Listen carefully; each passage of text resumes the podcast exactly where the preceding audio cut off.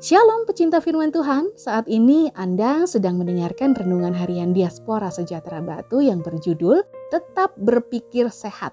Bacaannya terambil dari kejadian 25 ayat 29 sampai 34. Pada suatu kali Yakub sedang memasak sesuatu. Lalu datanglah Esau dengan lelah dari padang. Kata Esau kepada Yakub, "Berikanlah kiranya aku menghirup sedikit dari yang merah-merah itu, karena aku lelah."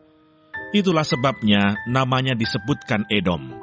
Tetapi kata Yakub, "Jualah dahulu kepadaku hak kesulunganmu." Saud Esau, "Sebentar lagi aku akan mati. Apakah gunanya bagiku hak kesulungan itu?" Kata Yakub, "Bersumpahlah dahulu kepadaku."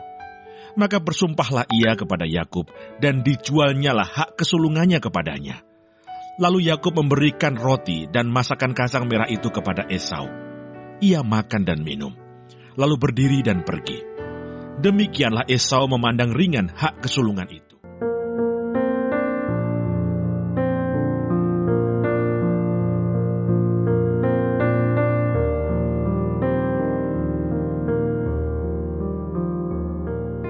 Lalu Yakub memberikan roti dan masakan kacang merah itu kepada Esau. Ia makan dan minum, lalu berdiri dan pergi. Demikianlah Esau memandang ringan hak kesulungan itu. Kejadian 25 ayat 34. Berkat anak sulung bagi orang Ibrani merupakan berkat yang sangat berharga sebab menyangkut masa depan. Namun dalam catatan Alkitab nampaknya tidak semua orang menghargai berkat tersebut. Esau adalah salah satu contohnya. Ketika Esau merasakan lelah dan lapar, dia tidak lagi menggunakan akal sehatnya dengan baik dia memandang rendah hak kesulungannya yang dengan mudah ia tukar dengan semangkuk kacang merah.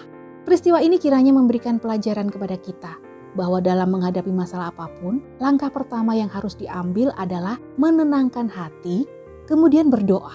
Setelah itu, baru mengambil keputusan. Jangan mengambil keputusan dalam keadaan marah ataupun panik, atau hanya melihat apa yang di depan mata saja tapi tidak menganalisa persoalan dengan nalar yang sehat. Jika hal tersebut yang kita lakukan, maka keputusan yang kita ambil pasti keliru. Oleh karena itu, skala prioritas dalam pengambilan setiap keputusan harus dimiliki. Tentunya sesuai dengan hasil analisa yang telah dilakukan, sehingga keputusan yang diambil tidak keliru, merugikan diri sendiri ataupun orang lain. Marilah kita belajar menghargai berkat yang Tuhan berikan dan jangan memandang rendah kepercayaan dalam bentuk apa pun yang Tuhan berikan kepada kita.